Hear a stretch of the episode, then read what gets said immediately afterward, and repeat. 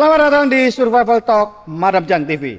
Masih ingat beberapa waktu yang lalu di Indonesia heboh karena mendadak muncul yang namanya Dewa Kipas.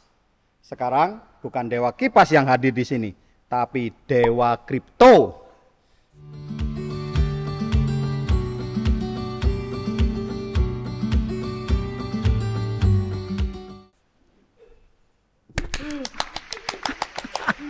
Langsung kaget dia.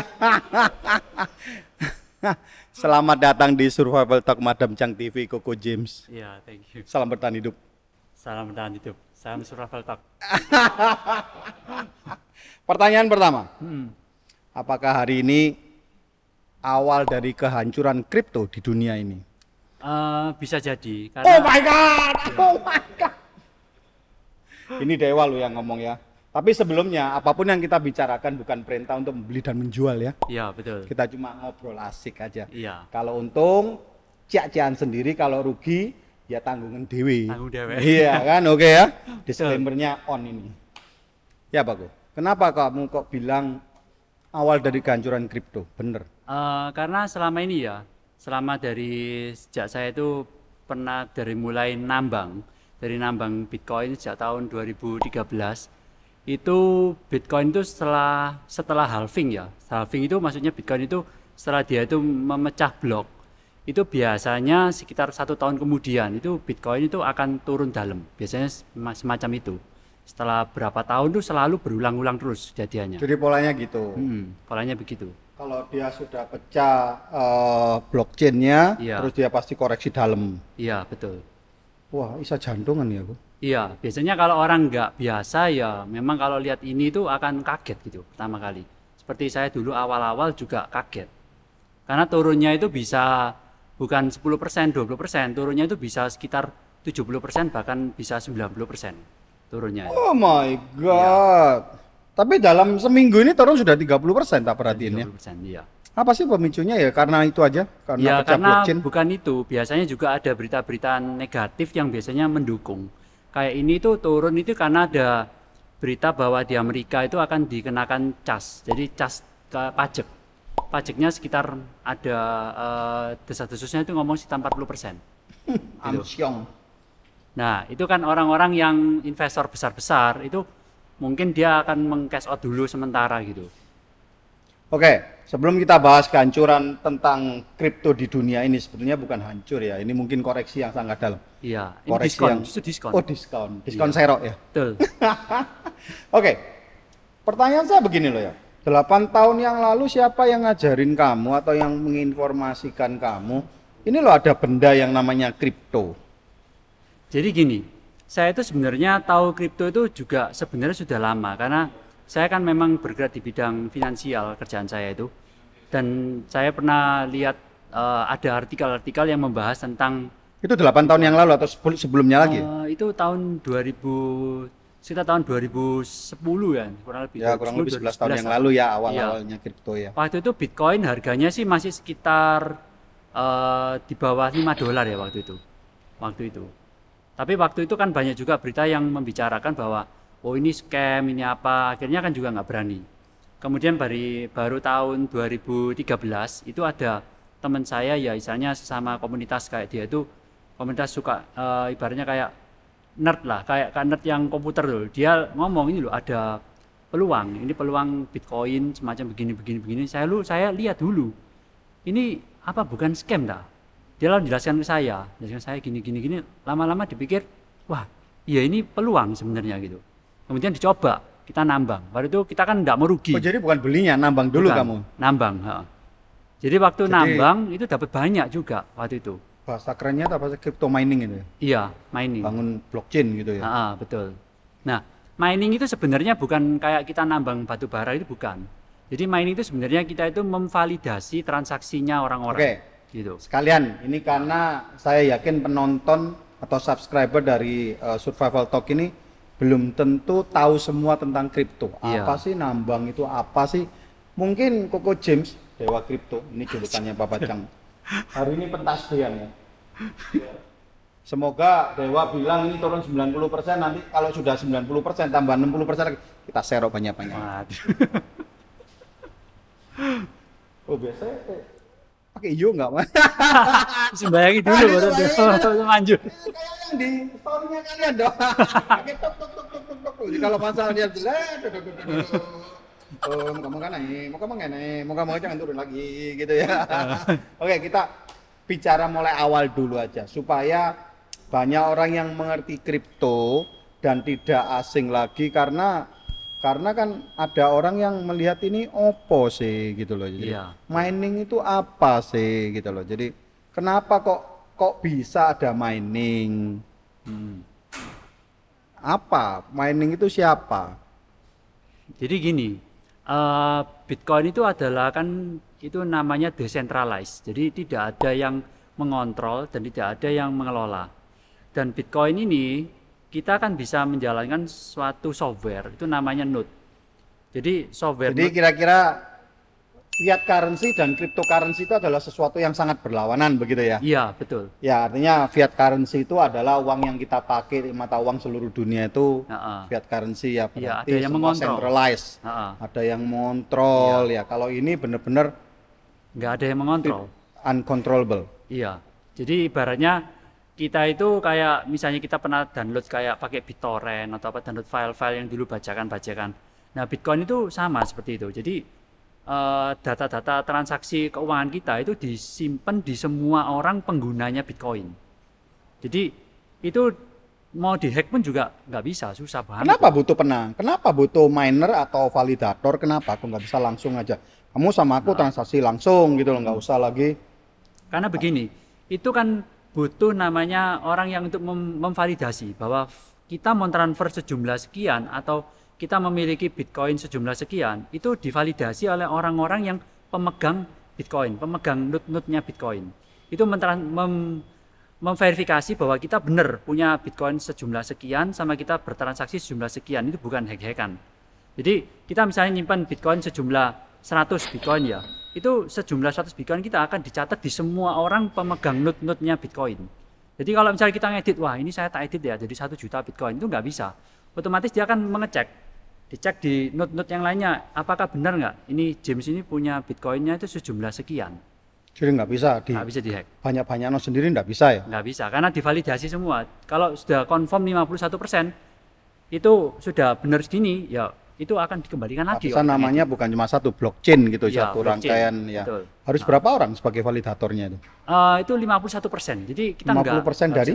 51 persen dari eh, mining itu kan namanya mining yang mem- memvalidasi. Kalau kita memegang 51 persen, berarti kita mengontrol semuanya peredarannya itu. Oke, 11 tahun yang lalu atau eh, semenjak kamu mining 7-8 tahun yang lalu, itu Bitcoin sudah ada berapa kripto? Bukan berapa Bitcoin, ada berapa kripto? eh kalau jenis kriptonya itu masih sedikit ya. Waktu itu sekitar paling ada cuma Bitcoin, Litecoin, lalu kemudian ada eh, apa Dogecoin, eh, kemudian ada koin-koin yang aneh-aneh juga ada, cuma nggak sebanyak sekarang. Dulu paling cuma sekitar mungkin sekitar puluhan dulu. Gila, sekarang kalau nggak Iya. salah itu Wah, ribuan. ribuan. Kalau Iya. nggak salah lo ya, 4.700. Iya banyak banget dan Nah, itu itu- nambah terus. Misal nih, saya saya buat cryptocurrency, apa sih keuntungan saya? Saya ini bisa kaya nggak sebagai yang buat? Belum tentu, belum tentu. Jadi Yang kripto- buat belum tentu kaya. belum tentu kaya. Karena buat kripto sekarang itu gampang. Jadi apalagi sekarang itu ada namanya Ethereum ya. Sejak mulai dari Ethereum itu kita membuat koin itu sangat gampang. Karena kita bisa menggunakan platformnya Ethereum untuk menciptakan suatu koin, token gitu. Oke. Nah, token itu ya misal saya menciptakan token, cuma token ini kan tidak bernilai. Untuk menjadikan dia bernilai, kita harus menginjak dia semacam namanya liquidity. Sama juga harus ada fungsinya. Kalau itu tidak ada itu semua, koin ini tidak akan bernilai. Kemudian koin ini juga harus dipasarkan. Kalau semakin banyak orang yang tertarik dengan koin ini, ya otomatis yang yang megang duluan yang awal itu dia bisa banyak. Cryptocurrency ini ada intrinsic value-nya nggak sih? Eh, jadi gini apa kripto ini ya sebenarnya nggak ada kayak kayak perusahaan ya perusahaan kan ada semacam kayak ada dasarnya kripto ini sebenarnya nggak ada dasarnya Jadi dasarnya ada intrinsic value-nya ya benar-benar ya. Jadi Tapi- nggak bisa kadang-kadang dibilang mahal murah ya nggak bisa tahu ya. nggak bisa Patok. tahu. Cuma tergantung gini. Ibaratnya seperti misalnya eh, kita ngomong tisu ya, misalnya tisu ini misalnya harganya 0, 0 rupiah. Kemudian saya jual kepada si Budi gitu. Budi berani beli tisu ini harganya 100 ribu. Ya otomatis nilai valuasi yang tisu ini akan menjadi 100 ribu. Ini benar-benar tergantung dari market ya. Jadi Iya. tidak ada nilai yang namanya nilai ada. wajar ya. Nggak ada. Nggak bisa dihitung ya. Iya. Benar-benar kalau memang demand-nya lebih banyak ya wis ya cus gitu ya. Iya naik Oke, gitu. kembali lagi beberapa tahun yang lalu ada puluhan. Kenapa yang dipilih ya Bitcoin, terus apa lagi Dog, Ada Doge atau Doge itu? Doge, Doge. Ya namanya. Ha. Oke, Tapi orang terus? Indonesia ngomong Doge. Iya, Doge. Doge style. terus kenapa kamu pilih yang itu kok nggak yang lain aja?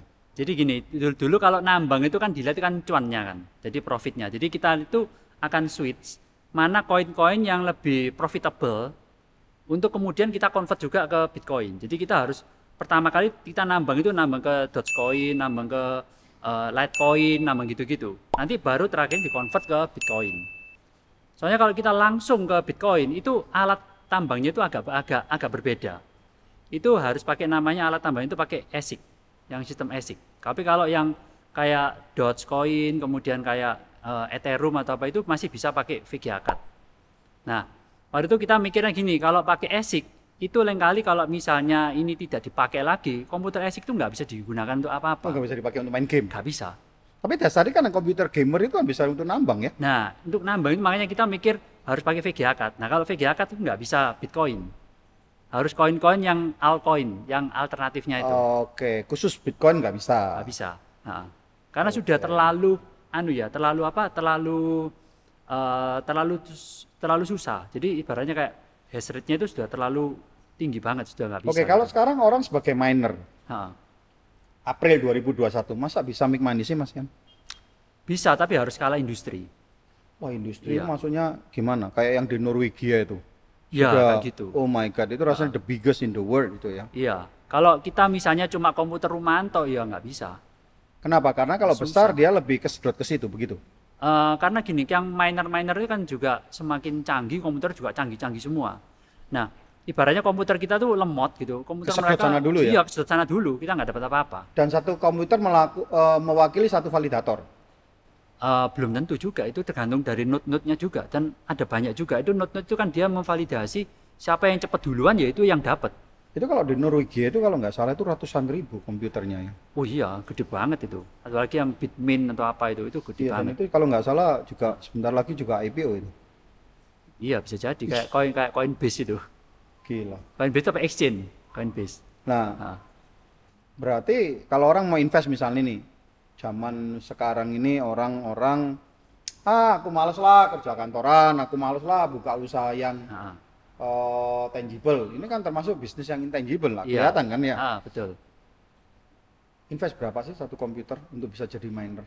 Kalau dulu zamannya saya itu tahun 2014 itu sekitar eh, satu komputer 10 juta sampai 20 juta tergantung dari VGA card-nya. Sekarang yang sulit Sekarang VGA-nya. iya betul. Sekarang ini mungkin bisa di atas 50 juta Karena VGA-nya itu karena ya. VGA-nya yang langka.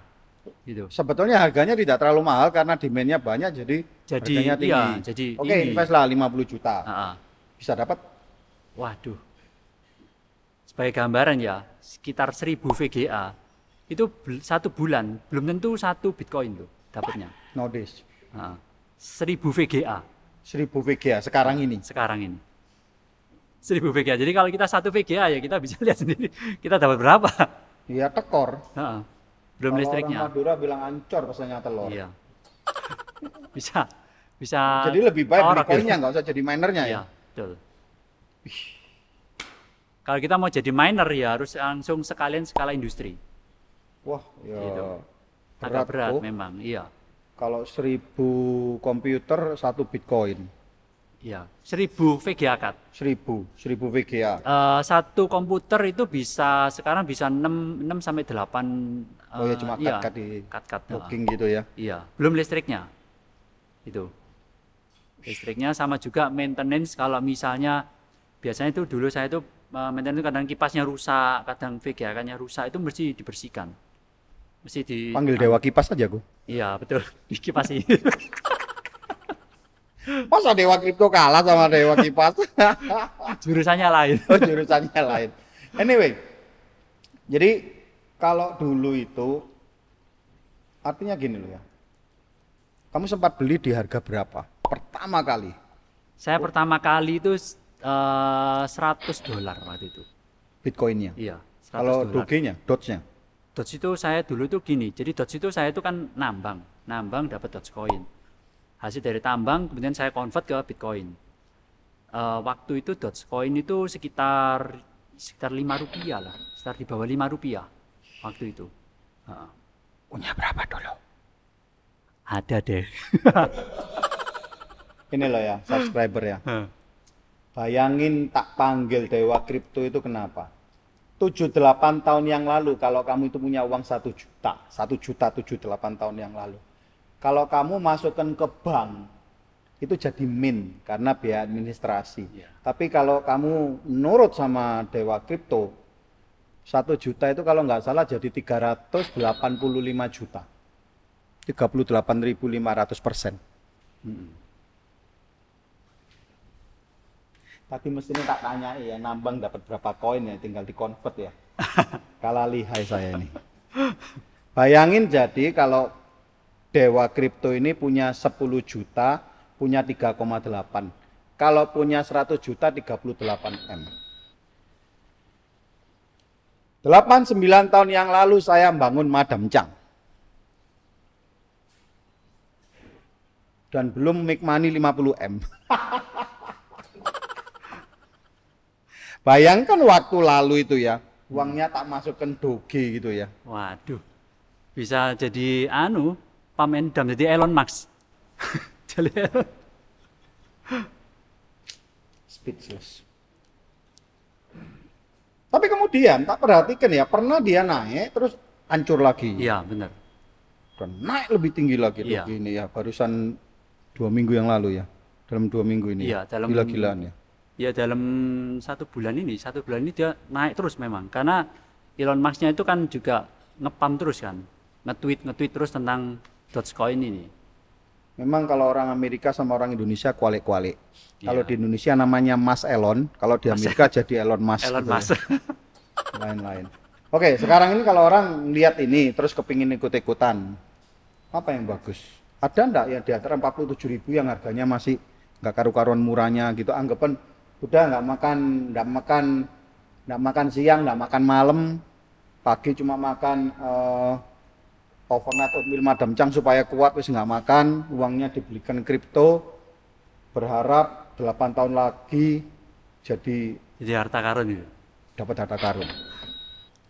Hmm, kalau saya tahu ya saya akan beli juga itu. memang orang kalau tingkat dewa ini tanya bisa umpan balik. Tapi menurut kamu 47 ribu apa yang layak beli sekarang? Kalau yang sudah tinggi-tinggi kan ya males ya.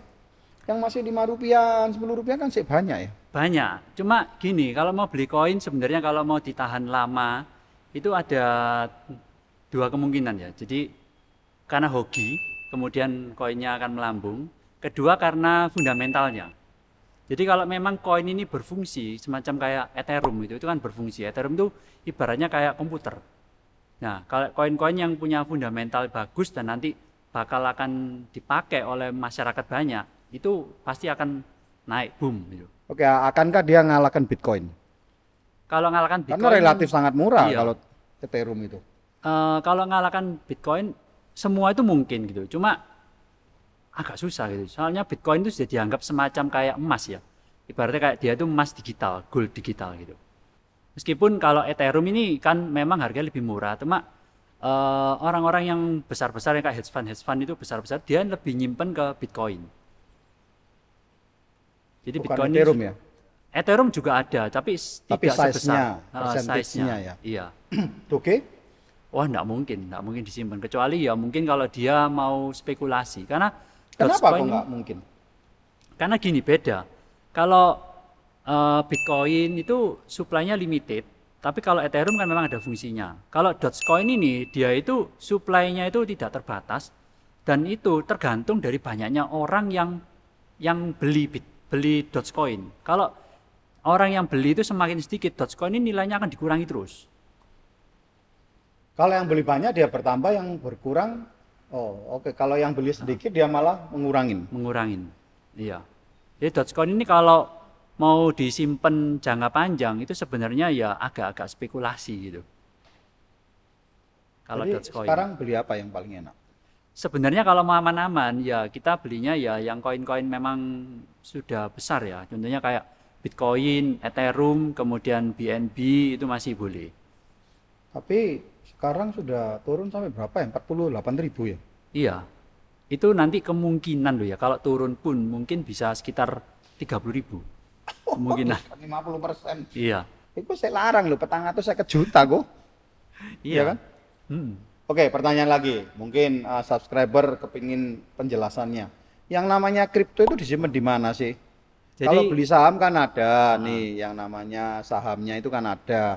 Biarpun sahamnya paperless, tapi kan ada. Ada. Ada kisinya ya. Iya. Nah, kalau ini kita harus punya crypto wallet lah. Crypto wallet ini di mana? Jadi gini, kripto itu biasanya orang nyimpan tuh kadang-kadang ada yang di exchange, tapi di exchange ini beresiko. Kalau Di exchange-nya exchange tutup, maksudnya di mana? exchange itu kayak misalnya kita nyimpan di kayak eh, Indodax, kayak kita di toko kripto atau di exchange Binance atau Jadi di mana. kita buka di si Oke, oke gini gini. Hmm. Jadi ngomong merek nanti kalau salah dituntut. Gini ya, mohon maaf kalau saya ini salah karena nggak paham. Seperti yang tadi kamu mention itu dak itu. Itu itu kita ketika buka rekening di situ, itu kita punya crypto wallet sendiri atau crypto walletnya punya dia? punya dia. Nah, itu beresiko. Oh, of course, man. Jadi sama dengan kamu titip duit ke saya ngelakuin investasi. Betul. Kalau nyimpen di gitu, itu jangan banyak-banyak. Kalau yang banyak itu ditaruh di namanya cold wallet.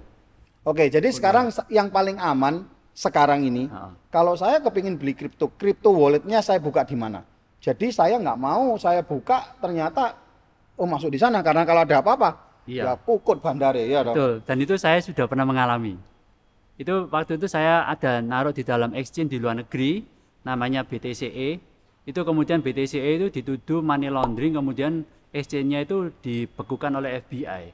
Nggak bisa ngapa-ngapain, udah hilang. Nah makanya dari sana, saya belajar dari sana, ketika dapat eh, koin yang banyak ya, itu kita nyimpannya di Oke oke gini, tolong kok. Dewa Kripto jelaskan kalau kita yang aman supaya gini loh. Orang yang namanya investasi itu kan mau beli, Iya. mau turun, itu risiko. Tapi kalau hilang, ini musibah. Betul. Risiko dan musibah itu dua hal yang berbeda. Ha-ha. Nah, supaya tidak kena musibah, crypto walletnya hilang karena tidak akan menjadi nama kita.